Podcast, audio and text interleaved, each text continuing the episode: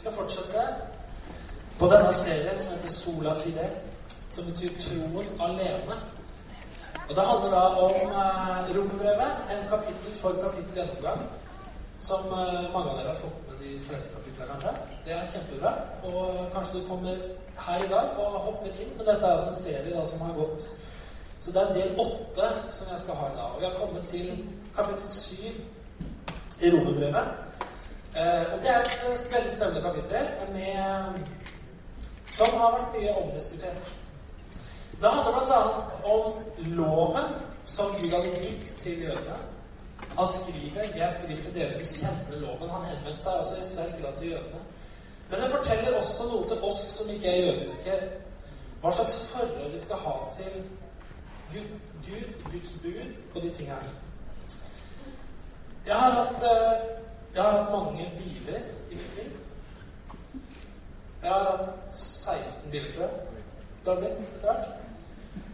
Mange forskjellige biler. Nå en ting jeg, ting jeg ble fortalt av en som sikkert mente det fordi han var litt glad i meg men fordi det var regelen. Det er når du skal kjøre bil, så må du bruke sikkerhetsbelte. Det lærte vi på kjøreskolen.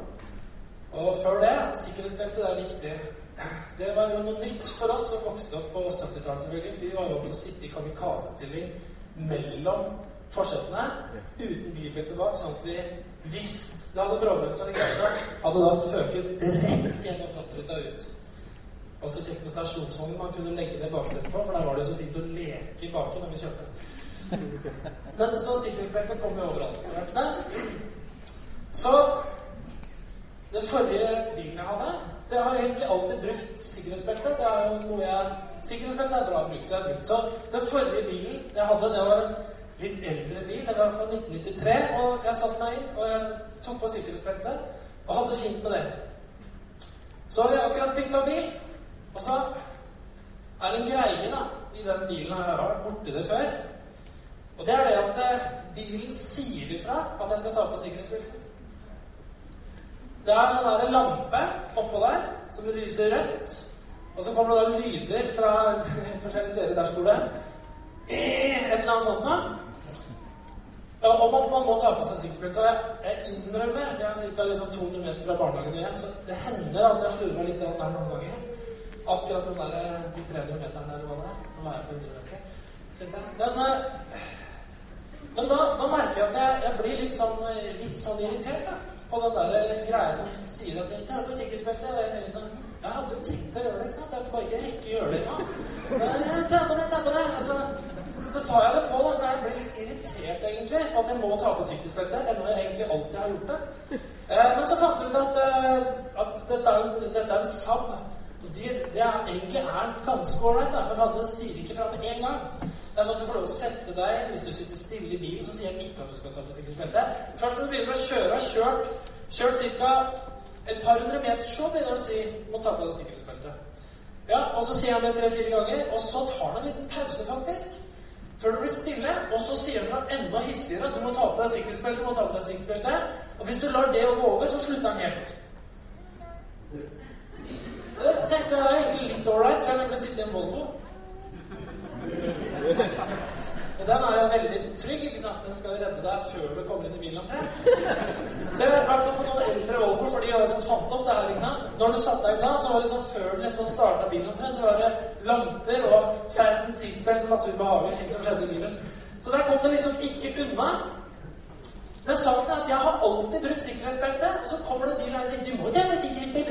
Jeg hadde tenkt å gjøre det. Så jeg merket det ble en sånn greie, da. Her er det sikkerhetsbelte som aldri har vært noe greie. Så på en måte har loven har kommet inn i bilen min og driver og maser på meg om at jeg skal gjøre ting jeg uansett liker å gjøre og ville ha gjort. Så derfor føler jeg at uh, den gamle BMW-en jeg hadde, var liksom nådens evangelium. Jeg gjorde ting av fri vilje ut fra min egen bestemmelse.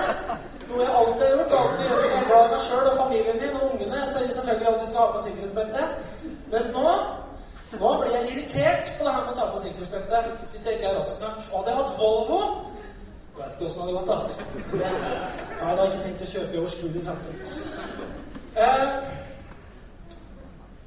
Romerne 7 handler nemlig om effekten som lovbud får på oss mennesker. Det er noe med at bud og regler trigger negative ting i oss. Sånn som det er i sikkerhetsbeltet. Og dette er noe av det Paulus snakker om. Hvordan skal vi forholde oss til lovbud, eller lamper som blinker i taket og piper? Det kapitlet her det er et kapittel jeg mener vi har brukt forferdelig mye tid på i, i mange år. Uh, jeg har sett budskapet i det kapitlet her på litt forskjellige måter. Opp gjennom åra har jeg hørt uh, mange taler om det kapitlet. Jeg har lest mange kommentarer om det kapitlet. Jeg har sittet på flere bibeltimer om det her kapitlet. Og, men jeg tror at Ellers så kunne jeg ikke sagt noe om det. Jeg tror at jeg har landa på et syn som jeg vil dele med dere da om Rombrevet 7. For mange så er det kapitlet her, Rombrevet 7, det er et negativt kapittel. Det er ikke jeg enig i. Etter min mening så er det et befriende kapittel. Uh, det inneholder beskrivelser av kamp og konflikt, indre konflikt. Men summen og konklusjonen i brevet, det, det syns jeg er helt, helt strålende. Eh, kapitlet handler om temaene frihet fra loven. Det handler om konflikten mellom kjødet og ånden. Og det har kanskje en litt overraskende slutt, det kapitlet her. Vi skal begynne å lese, og vi skal lese første, jeg skal lese de første seks versene. Et par av dem kommer opp på skjermen her. Paulus begynner å skrive. Eller vet dere ikke, mine søsken, for jeg taler jo til folk som kjenner loven, at loven Og når han snakker om loven, så er det den gammeltestamentlige loven som er gitt ved Moses sin gang. At loven bestemmer over mennesket bare så lenge det lever. En gift kvinne er etter loven bundet til mannen sin så lenge han lever. Men dersom mannen dør, er hun løst fra loven som bandt henne til mannen. Derfor gjelder hun som ekteskapsbryter hvis hun gifter seg med en annen så lenge mannen lever. Men dersom mannen dør, er hun fri fra loven og bryter ikke ekteskapet om hun gifter seg med en annen. Slik er det også med dere, mine søsken. Gjennom Kristi kropp er dere døde for loven. Dere tilhører en annen, han som er stått opp fra de døde, døde for at vi skal bære frukt for Gud. Da vårt kjøtt og blod hadde makten over oss, gjorde loven at de syndige lidenskapene ble vakt til live i lemmene våre, så vi bar frukt for døden. Men nå er vi løst fra loven. Vi er døde fra det som bandt oss. Derfor tjener vi Gud i nytt liv i ånden, og ikke i det gamle etter bokstaven. Eh, for å forklare eh, vårt nåværende forhold til loven så bruker Paulus bildet på en gift kvinne og hennes mann. Og Han sier at så lenge mannen lever, så gjelder de lovene som berører ekteskapet, hennes liv. Og det er jo logisk, ikke sant? At det er enkelte lover Vi kan jo tenke her i Norge at det er enkelte lover vi har som berører enkelte grupper mennesker, mens andre er ikke berørt av de lovene, selv om de finnes der. Uh, vi har også i Norge ekteskapslovgivning. ikke sant? Vi har noen lovgivning rundt det. For deg som er gift, så er de lovene de er gyldige. De har noe å si til deg.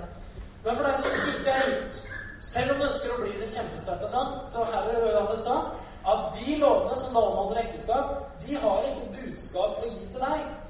Du er ikke gift, og du faller da ikke inn under den lovgivninga. Sånn sier også Paulus at det var med oss i forhold til loven. Han sier at loven var en vi var gift med. Det var en som hadde noe å si til oss. Og Vi kan godt bruke et bilde. altså Dersom en moderne norsk eh, statsborger ønsker å komme bort fra norsk lovgivning, det budskapet som den norske loven har å gi, så må man kanskje bytte statsborgerskap.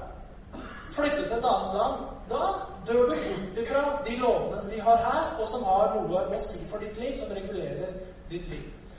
Eh, derfor er det enkelte, når de begynner å tjene veldig mye penger, så flytter de til noe som kalles for skatteparadis, fordi at det der er en annen lovgivning som gir et annet utslag. De slipper å betale så mye skatt og kommer unna norske eh, lovregler på det her. Eh, Paulus han beskriver at et tidligere liv med loven nå er over. Han sier at vi er frie fra loven, altså vi er døde fra loven. Og hvorfor er det så viktig? Det som er viktig med det, er jo det at loven, hvis vi tenker på loven som ektefelle, så er loven var en som fortalte oss hvordan ting skulle være. Det som skjer med en sånn type ektefelle, som loven, var. Det var at den fortalte oss hvordan ting skulle være, men den hadde ingen nåde. Loven hadde ingen tilbud om hjelp. Loven hadde ingen løsning for å løse flokene eller for å gi gjenoppreisning. Det fantes ikke noen nåde med loven. Derfor er det sånn at eh, loven sier at den som synder, skal dø. Syndens lønn er døden. Det er det enkle budskapet loven har å gi. Så du kan jo liksom tenke på hvordan det er å være gift med en sånn. Som uh, har alt perfekt, som har alt riktig, og hver gang det gjør feil, så kan den påpeke hvordan det egentlig skulle ha vært. Og så spør vi kan jeg få noe hjelp. Så sier han jeg har ikke noe hjelp å gi deg. Syndens lønn er døden. Så enkelt er det. Nåden i Jesus den gir oss et helt annet budskap. I Galaterbrevet 3, vers 12-14, så sier Paulus noe om akkurat det som er sånn. Han sier Loven spør ikke etter tro, men sier Den som lever etter budene, skal ha liv ved dem. Men Kristus kjøpte oss fri fra lovens forbannelse da han kom under forbannelse for vår skyld. For det står skrevet 'Forbannet er verden som henger på et tre'. Slik skulle Abrahams velsignelse komme til folkeslagene i Kristus Jesus, så vi ved troen skulle få ånden som det var gitt løfte om. Altså Lovens forbannelse, sier Paulus, er et ganske kraftig uttrykk. Fordi loven er ikke ond i seg selv, men lovens forbannelse blir at vi ikke klarer å oppfylle loven. Derfor så har loven bare et enkelt budskap til si syndens lønn er døden. Jeg har ingen nåde å gi deg. Jeg har ingen gjenopprettelse å gi deg. Jeg har bare konsekvens av syndene dine, og det er død. Loven gjør at fallet blir stort. Den påpeker vår elendighet. Den har ingenting å tilby i forhold til å hjelpe oss. Ikke til å helbrede oss, ikke til å få oss på beina igjen. Loven sørger bare for at vår elendighet blir enda mer eksponert. Loven er en pakt som bygger på gjerninger og ikke på nåde. Vi kunne filosofert mye egentlig rundt det her i forhold til hvordan lever vi sammen. Hvordan snakker vi sammen? Hvordan, hvordan takler vi hverandres feil og mangler? I forhold til standarden her. Hvordan gjør vi det med barneoppdragelsen vår? Er måten vi er på, i en loviskhetens ånd? Eller er det nådens og evangeliets ånd? Loven har bare negative konsekvenser å gi for den som tråkker feil. Den er dømmende. Den er hard. Den er korrekt. Den har ingen gjenopprettelse til det. Jesus har noe annet han vil gi oss. Paulus skriver at vi er døde fra loven ved Kristi kropp. I dette bildet her så var vi altså gift med loven. Loven var vår ektemann. Si, loven var den som talte til oss. Loven var den vi relaterte til, sier Paulus. Loven var en ektefelle som aldri kunne gjøre oss lykkelige. Han kunne aldri hjelpe oss med vårt grunnleggende problem, som var synden. Nå kom Jesus. Halleluja. Jesus kom. Hva gjør Jesus? Han tar lovens forbannelse på seg. Hva er forbannelsen? Forbannelsen er syndens lønn er død. Jesus går på korset, og han tar all den straffen som loven ga til oss mennesker for alle våre synder. Den konsekvensen den tar Jesus i seg på korset. Og da sier Bibelen at Jesus utsletter, gjør ende på synden med sitt offer på korset en gang for alle. Der har all verdens synd sin endestasjon korset. Er ikke det fantastisk? Og ikke bare det, men når Jesus begraves, så begraves han for oss med alle våre synder. De blir med ned i grava, og de blir borte for alltid. Og så står det at han oppsto til et nytt liv. Vi leste det forrige gang, Romer 6. Så har han også oppstått for å vandre et helt nytt liv. Han ble reist opp i Den hellige ånd. Han fikk et helt nytt liv. Han kunne vandre i rettferdighet. Og hør, syndens problem var løst en gang for alle. Hvordan mener Paulus han sier at ved Kristi kropp døde dere bort fra loven? Jo, jeg må lese en gang til det vi leste sist, siden vi er i den sammenhengen her. I Romerne 6, 3-4 så sa Paulus Eller vet dere ikke at alle vi som ble døpt til Kristus Jesus ble døpt til hans død. Vi ble begravet med ham da vi ble døpt med denne dåpen til døden. Og som Kristus ble reist opp fra de døde ved sin fars kjærlighet, så skal også vi vandre i et nytt liv. Og det står i 6.23.: Syndens lønn er døden, men Guds nådegave er evig liv i vår Herre Jesus Kristus. Amen. Kan du se det her? At når vi går i dåpens grav, den har vi her, så får vi gjennom vår tro og bekjennelse og dåpen, så får vi lov å identifisere oss med hans død. Altså, vi dør bort fra den gamle ektefellen vår. Vi dør bort fra den pakten som vi var med med loven. Og vi er borte for akkurat som denne kvinnen som opplever at når mannen dør, så er hun løst fra den loven som før hadde budskap til henne. Den gjelder ikke lenger. Hun er ute av den livssituasjonen. På samme måte så sier Paulus her at vi dør bort fra vår relasjon med loven. Vi er døde fra den. Den har ikke lenger et budskap å gi oss.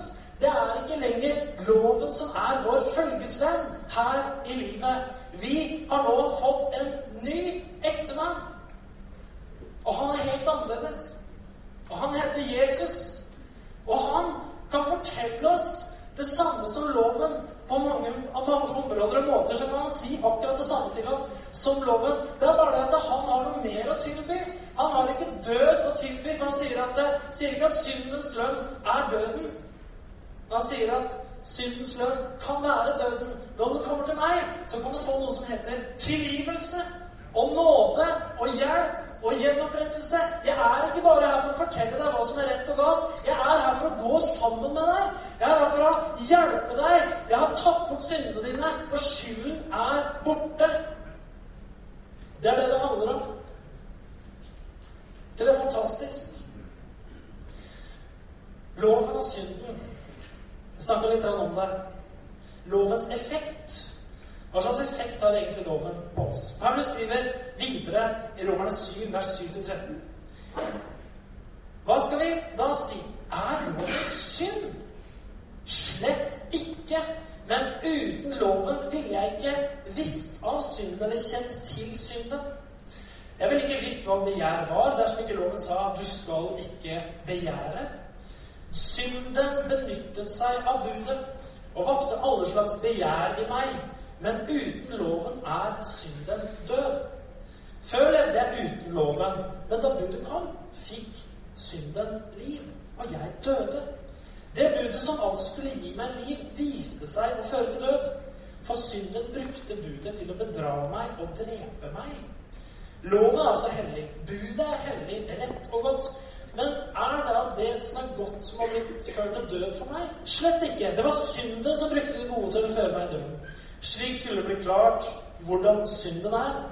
Gjennom budet skulle synden vise seg å bli over alle grenser syndig. Synden benytta seg av budet og valgte alle slags begjær i. Paulus skriver at jeg var en gang uten lov. De fleste mener at Paulus refererte til en tid da han kanskje var liten, hvor han ikke var bevisst det som hadde med lov å gjøre. Han var liten og levde i en slags uskyldighet. En gang et punkt i livet så kommer dette her hvor han ble presentert for loven. Han får høre 'du skal, og du skal ikke'. Du skal, og du skal ikke. Og i det øyeblikket som ferdig, så oppdager jeg plutselig at det er noe i meg som blir vakt til live. Fordi jeg visste ikke at jeg hadde begjær. Før loven kom og sa 'du skal ikke begjære'. Da er det sånn med dette sikkerhetsbeltet at det blir vekt noe i meg som blir forsterka. Akkurat som motsatt barneoppdragelse. Han vil ikke ha middag her, da. Hva gjør vi da? Må spise middag. Da må du spise opp middagen din. Nå må du spise opp middagen din. Du trenger mat. Det er viktig. Nei, ikke interessant. Det er ikke interessant. Ok. Du får ikke lov å spise opp middagen din. Du får ikke lov å komme på kjøkkenet og spise. Jo! Jeg skal ha middag! Tar du borti det? Ja. Vi er litt sånn mye òg. Litt mer sofistikert. Men det er noe med det Paulus sier, at Synden benytta seg av budet og valgte alle slags begjær i meg. Og jeg døde. Synden fikk liv gjennom loven. Det ble forsterka. Møtet med loven, sier Paulus, er død. Jeg døde. Han var tidligere gift med loven. Synden benytta seg av budet. Og så kommer Paulus, og det er litt viktig å si at uh, i kapittel 8 så kommer noe av forklaringen til hvordan skal vi leve nå i forhold til sannhet, bud og Guds vilje osv. Vi skal gå litt videre i kapittelet. Paulus kommer til et punkt hvor han beskriver nå videre i kapittelet at han opplever en indre konflikt. Han har forklart at vi er fri fra loven, han har forklart hvordan loven virker på oss. Det er ikke noe positivt, egentlig. Og så begynner han å fortelle litt om en konflikt som han lever i. Enkelte, en del, selv om ikke det er sånn mainstream, mener at det Paulus nå beskriver om seg selv, det er noe han må ha opplevd før han ble frelst. Den kampen han nå skal komme til å beskrive. Eh, de fleste mener ikke det. De fleste mener at denne kampen Paulus nå skal komme til å beskrive, den, den gjelder nå, der han skriver om sitt nåtidige liv som frelst. Eh, grammatikken tyder på at det er riktig. Han sier 'jeg som jeg er', altså han snakker om i nåtid, presens. Men han kommer til å skrive om en konflikt i neste verset som en del kristne lærere og forkynnere mener at vi ikke skal ha. Man mener at vi skal oppleve et liv hvor vi er så frigjort fra synden at vi ikke kommer til å oppleve noen problemer med det, på en måte. Og noen trekninger mot det. Jeg veit ikke hvilke erfaringer du har som sitter i benken her, men la oss bli med Paulus litt. 7 14. Paulus sier vi vet at loven er av ånden mens jeg er av kjøtt og blod. Solgt som slave til synden. Det er det første som skaper problemer for oss. Solgt til slave som synden. Det er det jo. Paulus har sagt at han frigjort fra synden. Han er ikke lenger syndens strell. Hva mener han her? Av kjøtt og blod, legg merke til det. For jeg forstår ikke selv hva jeg gjør. Det jeg vil, det gjør jeg ikke. Og det jeg avskyr, det gjør jeg. Men gjør jeg det jeg ikke vil, gir loven rett i at den er god så er det ikke lenger jeg som gjør det, men synden som bor i meg. For jeg vet at i meg, vil si mitt kjøtt og blod, bor det ikke noe godt. Viljen har jeg, men å fullføre det gode, det makter jeg ikke. Det gode som jeg ikke vil, det gjør. Det gode som jeg vil, det gjør jeg ikke. Men det onde som jeg ikke vil, det gjør jeg. Men gjør jeg det jeg ikke vil, da er det ikke lenger jeg som gjør det, men synden som bor i meg. Jeg finner altså at denne loven gjelder. Jeg vil gjøre det gode, men kan ikke annet enn å gjøre det onde. Mitt indre menneske sier med glede ja til Guds lov, men jeg merker en annen lov i mine lemmer. Den kjemper mot loven i mitt sinn og tar meg til fange under syndens lov, som er i lemmene eller i kroppen. Jeg, ulykkelig menneske, hvem skal fri meg fra denne dødens kropp? Paulus tar opp en realitet som kan oppleves konfliktfylt for den troende. Lysten til å gjøre synd. Vi har fått et nytt liv. Vårt indre er født på nytt. Det var liksom budskapet til Jesus. Uten at du blir født på ny, kan du ikke se Guds rike. Vi har fått Guds ånd i våre hjerter. Den ånd som gjør at vi roper 'Abba, far'. Ikke sant? Allikevel så snakker Paulus om at noe i oss er underlagt syndens lov. Han kaller det for syndens lov. Hva er det Paulus mener når han snakker som han gjør her? Syndens lov, det er et resultat av syndens lov. Det er død. Denne kroppen er i ferd med å dø, kjære venner. Jeg lærte det på handelsskolen, tror jeg. Fikk jo høre det at fram til du liksom er 20 år, så er det bare så fornyelse i kroppen din. Og så når du blir 20 år, så går det egentlig bare nedover. Da begynner, da begynner du å dø. Tenkte det straks der, liksom. Tenkte det var et veldig negativt budskap. Men dør kroppen er på vei til å dø. Se på deg sjøl. Du kan sparke, du kan jobbe, du kan pudre, du kan gjøre mye. Det ser veldig bra ut lenge. Men før eller siden så krakelerer det. Slår det gjennom. Vi blir eldre. Kroppen vår den dør sakte, men sikkert. Hvorfor det? Det er en konsekvens av syndefallet. Denne kroppen som vi lever i, den er jordisk. Av jord har det kommet til jord, skal det bli av jord, skal det igjen oppstå. Og en dag så skal det oppstå en ny kropp. Paulus sier det i 1. Korinter 15 at sånn er det med de dødes oppstandelse. Det blir sådd i forgjengelighet, det står opp i uforgjengelighet. Det blir sådd i vanære, det står opp i herlig glans. Det blir sådd i svakhet, det står opp i kraft. Det blir sådd én kropp som hadde sjel, og det står opp en åndelig kropp. En dag kjære venner, så skal hele deg være født på ny. Da skal du ha ny kropp også. Det blir jo fint. Vet ikke hvor gammel du kommer til å være. står ingenting om det i Bibelen. Du kommer til å få en ny kropp. En herlighetskropp, sånn som Jesus hadde den dagen da han sto opp fra de døde. Og i den kroppen så vil ikke syndens lov virke. Derfor så snakker Bibelen at vi har noe som heter kjøp, eller kjøtt og blod, som ennå ikke er født på ny, og som har syndens lov virksom i seg. Derfor så snakker Paulus om dette her med kjøtt og blod. Når jeg, vi vet at ånden er lov, så jeg er kjøtt og blod. Han snakker om sitt kjøtt og blod. Og den, dette kjøtt og blodet det er solgt til å være slave under synden. Dødens lov virker i denne kroppen her. Skal skylde at det kommer et uh, presiserende og utfyllende budskap i Romerne 8. Men han sier Eh, altså så videre. Så det er ikke lenger jeg som gjør men synden som bor i meg. For jeg vet at i meg, det vil si i mitt kjøtt og blod, så bor det ikke noe godt. Med andre ord, han sier at jeg har en konflikt som jeg kan oppleve i mitt liv. Og at mitt kjøtt og blod vil noe annet enn det jeg vil i mitt indre. Og det er en ikke unormal konflikt for en som er kristen. Betyr det at du er underlagt syndens og dødens lov? Nei. Det betyr at du i ditt indre er levendegjort. Og livets ånds lov har Jesus Kristus frigjort oss, og du har et nytt, eh, et nytt liv på innsida. Henger du med? Eh, Der Paulus snakker om det her i Galaterbrevet, i, vers, i kapittel 5, vers 16-17, så sier Paulus Jeg sier dere, lev et liv i ånden. Da følger ikke begjæret i menneskets kjøtt og blod. For kjøttet begjærer mot ånden, og ånden begjærer mot kjøttet. Og disse ligger i strid med hverandre, så ikke dere kan gjøre det dere vil. Med andre ord så sier Paulus at det er en kamp som du kan oppleve som troende. Ånden vil en ting, og kjøttet vil noe annet. Hva skal vi gjøre da? Da må vi leve i ånden. Hvordan gjør vi det? Kommer i kapittel 8. Lev nær til Gud, sånn at ånden kan overvinne det som kjøttet vil. Så er vi da syndere. Nei, vi er ikke syndere, vi er rettferdiggjort. Er det sånn at vi liksom kjenner lysten til å gjøre det onde i vårt hjerte? Nei, vi gjør ikke det. Du vet, eh, I kirken så har de en, eh, en trosbekjennelse som, som, er under diskusjon, hvor det står 'Hellige Gud, himmelske Far, se nåde til meg, syndige menneske, som har krenket deg med tanker, ord og gjerninger, og kjenner lysten til det onde i mitt hjerte'. som starter synsbekjennelsen. Og så er det en diskusjon. Fordi man mener I nevnt for gudstjenesteliv har man i hvert fall ment at denne her bør gjøres annerledes. Den overfokuserer det at enkelte mennesker har synda. Og så sies det da i kommentaren som de jobber med det her Det må da være, finnes en måte å uttrykke vår delaktighet i det onde på uten at vi må si at vi har hjertens lyst, ønsker å gyve løs med syndige handlinger.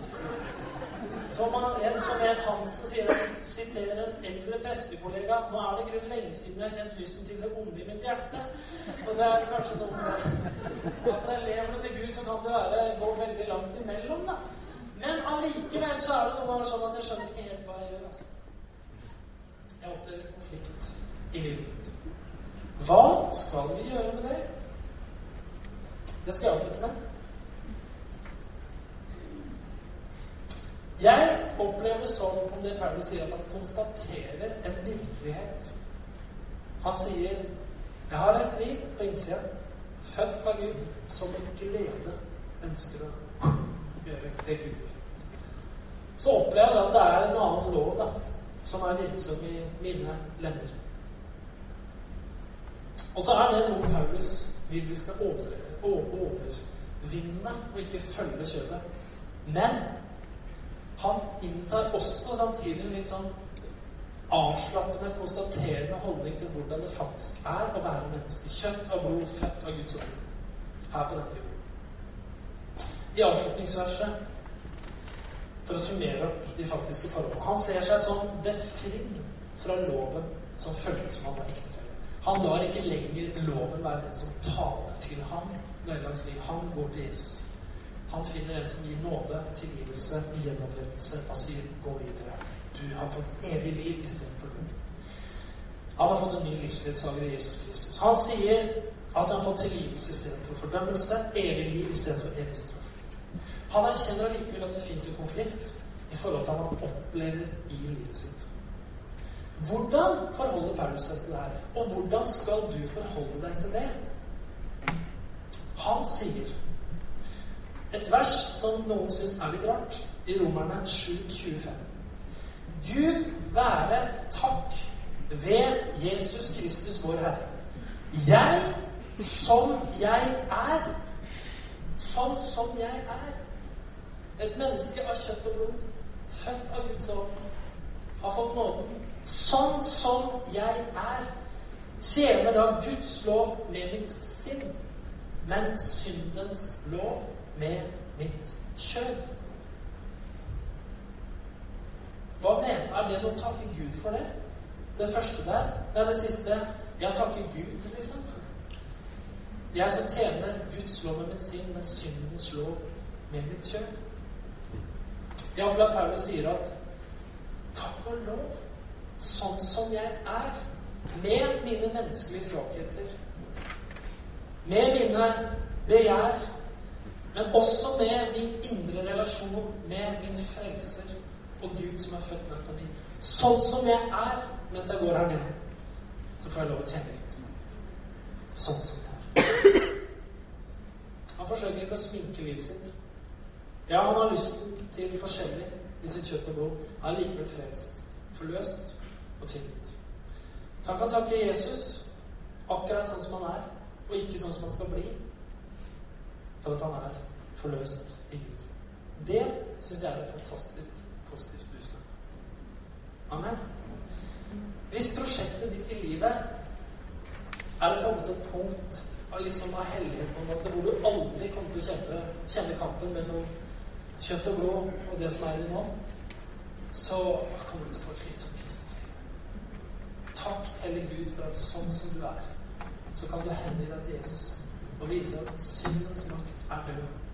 Den er over. Den er ferdig straffa. Du skal ikke ta straffen for synden din en gang til. Du trenger ikke det. Jesus har gjort det en gang for alle. Du trenger ikke å la djevelen komme og anklage deg igjen og igjen og igjen gjennom et lovbudskap som sier Kan du se hvor dårlig du er? Kan du se hvor svak du er? Der feila du igjen. Syndens lønn er døden. Gud kommer til å støte deg bort. Du er ute av det. Gud kan ikke bruke deg. Det er ikke evangeliet. Det er lovens gamle, harde hånd. Nå er budskapet ja, men kom til meg, alle dere som strever og tungt å bære. Kom til meg, jeg skal ta byrdene dine, jeg skal ta syndene dine. Jeg har betalt straffen for deg. Bli med meg ned i grava. Stå opp igjen for å leve et nytt liv. La ikke lenger loven være din ektefelle. Begynn å gå til Jesus i stedet og si, Hva sier du, Herre? Han sier, Bli med meg, skal jeg gjøre deg til menneskefisker. Amen. Herre, vi takker og priser deg for at du frigjorde oss, Herre, fra loven, Herre. Takk for at du frigjorde oss fra døden. Takk for at du frigjorde oss fra fordømmelsen, Herre. Takk for at du ga oss et nytt liv, et gjennombrutt av liv. Vi takker deg. Så takker vi at sånn som vi er, så kan vi få lov å gå tett inntil deg, Herre, og følge deg. Og så vil du hjelpe oss til å leve i seier. Så vil du hjelpe oss til å bære frukt, som det sto. At vi kan bære frukt for deg istedenfor å bære frukt for døden. Amen. Vi tar oss og reiser oss, kan lovsangskrivet komme. Dette er evangeliet.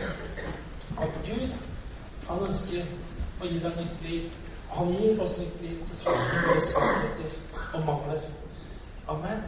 Foreldre, kan du spille litt? Jeg har lyst til å spørre, kanskje du er her i formiddag som har lyst til å ta imot evangeliet? Kanskje du er her i formiddag som eh, lever som om loven var din ektemann.